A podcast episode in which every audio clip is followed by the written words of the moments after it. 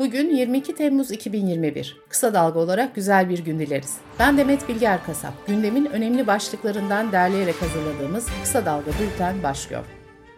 Cumhurbaşkanı Erdoğan AKP teşkilatları ile video konferansla bayramlaştı. Erdoğan, Kıbrıs Türklerinin masadaki tek talebi egemen devlet statüsünün tanınmasıdır. Bunun dışındaki tüm teklifler geçerliliğini yitirmiştir. Artık bizim için Kuzey Güney Kıbrıs yoktur dedi.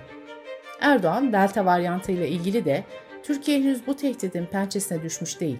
Bu dalgayı ek kısıtlamalara gerek kalmadan geride bırakacağımıza inanıyorum ifadelerini kullandı. CHP Grup Başkan Vekili Engin Özkoç, göçmenler konusunda sosyal medyada ülkeye yabancı ülkelerin vatandaşları başıboş girecek, devlet izleyecek. Buna karşı çıkınca ırkçı oluyormuşuz. Hiç merak etmeyin, hepsini göndereceğiz paylaşımı yaptı. Saadet Partisi Genel Başkanı Temel Karamollaoğlu, CHP lideri Kemal Kılıçdaroğlu'nun Millet İttifakı'nın adayı nefsini terbiye etmiş, yetkiyi alınca yozlaşmayacak bir aday olmalı sözlerine destek verdi. Karamollaoğlu, Cumhurbaşkanı adayı ararken işte bu kıstaslarda aramak mecburiyetindeyiz. İktidarda bulunan arkadaşlarımızın Sayın Kılıçdaroğlu'nun bu ifadesine amin demeleri icap eder, dedi.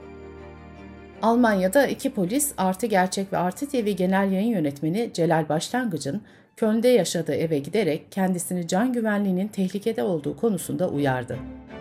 Polisler yakın zamanda gündem olan infaz listesinin varlığını doğrularken Başlangıç polisin söylediklerinden ortada bir soruşturma olduğunu anladık dedi. Milli Eğitim Bakanı Ziya Selçuk, 6 Haziran'da yapılan LGS'nin ardından gündeme gelen soruların daha önce bir yayın evinde yayınlandığı iddialarını reddetti. Bakan Selçuk, sınavın iptal edilmeyeceğini belirtti. Önce Çocuklar ve Kadınlar Derneği, rahim ağzı kanserini önleyen HPV aşısının ücretsiz olması için imza kampanyası başlattı. Ankara Tabip Odası Kadın Komisyonu üyesi Ayşe Uğurlu, HPV'ye yönelik testler ve aşılar ulusal aşı programı kapsamına alınmalıdır dedi. İstanbul Büyükşehir Belediyesi yıllardır boş duran arazilere ektiği buğdayın ilk hasadını yaptı. Atıl durumdaki 180 dekarlık arazide ilk yetişen buğday, un fabrikasında öğütüldükten sonra İstanbul'daki ihtiyaç sahiplerine ulaştırılacak. Hasat sonrası ortaya çıkan saman ve öğütme süresinde elde edilen kepek ise adalardaki atların beslenmesi için kullanılacak. Bültenimize COVID-19 haberleriyle devam ediyoruz. Türkiye'de 10 gün önce 5000'in de altına düşen günlük vaka sayısı 20 Temmuz'da ilk defa 8000'in üstüne çıktı. Delta varyantı hızla yayılırken bayram tatili nedeniyle ülke genelinde hem yerli hem yabancı turist hareketliliği yaşanıyor. Sağlık Bakanı Fahrettin Koca sosyal medyadan iki doz aşı vaka sayılarının önünü keser uyarısı yaptı.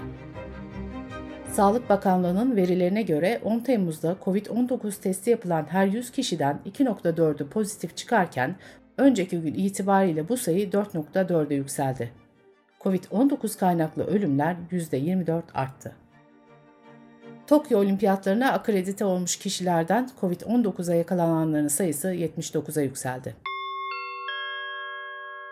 Sırada ekonomi haberleri var. Adalet Bakanlığı'nın verilerine göre 2020 yılında icra ve iflas dairelerine 30 milyon 384 bin dosya geldi. 2 milyon 319 bini sonuçlandırılırken 4 milyon 282 bin dosya işlemden kaldırıldı. OECD'nin son araştırması Türkiye'de gençlerin %70'inin ekonomik endişe içinde olduğunu ortaya koydu. Araştırmaya göre gençlerin en çok ekonomik sorun yaşadığı ülkeler Şili, Meksika, Slovenya ve Türkiye.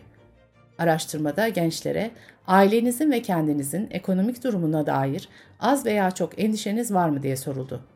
Türkiye'de 4 gençten 3'ü evet endişeliyim yanıtı verdi. Ceyda Erem'in yönetim kurulu başkanlığını yaptığı CNR Uluslararası Fuarcılık ve Ticaret Anonim Şirketi iflas etti. Uluslararası Para Fonu dünyada konut fiyatlarının en çok arttığı ülkeleri sıraladı.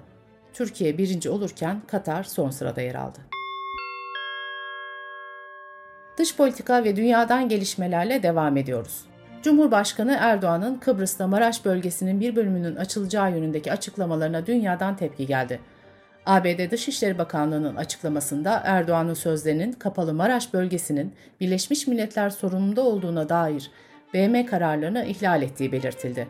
AB'den yapılan açıklamada ise bu durumun Maraş'ın statüsünü değiştirmeye yönelik tek taraflı ve kabul edilemez bir karar olduğu vurgulandı.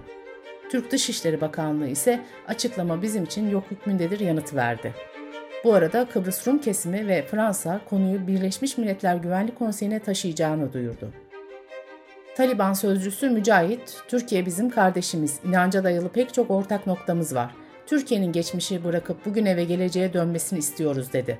Mücahit, Kabil Havalimanı'nın Afganların sorumluluğunda olduğunu belirterek aksi bir tutumu ülkenin iç işlerine müdahale olarak değerlendireceklerini de belirtti. Taliban, Afganistan'da ele geçirdiği iki sınır kapısıyla İran ve Pakistan'a komşu oldu. Taliban'ın Afganistan genelinde saldırıları devam ederken örgütten bir süre önce gelen ateşkes teklifinin geri çekildiği öğrenildi. Taliban sözcüsü bayram sırasında savunma durumunda olduğumuzu doğrulayabilirim dedi. KKTC'nin 4. Cumhurbaşkanı Mustafa Akıncı, Cumhurbaşkanı Erdoğan'ın Kıbrıs'a külliye yapımı müjdesini eleştirdi. Akıncı, devletlerin itibarı binaların ihtişamı ile ölçülmez. Demokrasisi, özgürlüklere, insan haklarına, hukuka, adalete saygısı yurttaşların ferah düzeyi ile ölçülür diye konuştu. Şiddetli yağışlar Avrupa'nın ardından Çin'i vurdu. En az 12 kişi hayatını kaybetti. Çin basında yer alan haberlere göre meteorologlar böylesi bir yağışın ancak bin yılda bir olabileceğine dikkat çekti. Pegasus, casus yazılımıyla izlendiğinden şüphelenilen gazeteci ve siyasetçilerin telefon numaralarının yer aldığı listede Fransa Cumhurbaşkanı Macron ve bazı hükümet üyelerinin numaraları da tespit edildi.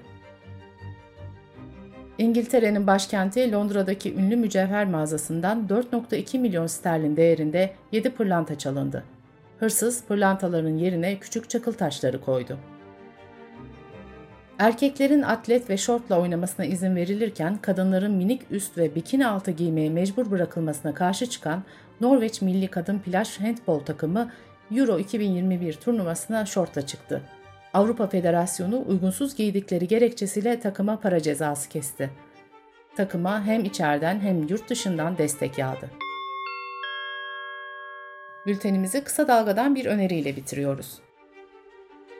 Oxford Üniversitesi öğretim üyesi Doktor Emre Eren Korkmaz'ın hazırladığı Genç Bilim Podcast serisinin bu bölümünde Doktor Uğur Dağ, hafıza, öğrenme ve bellek ile sinir hücreleri arasındaki iletişimi anlatıyor. Kısa Dalga.net adresimizden ve podcast platformlarından dinleyebilirsiniz. Gözünüz kulağınız bizde olsun. Kısa Dalga Medya.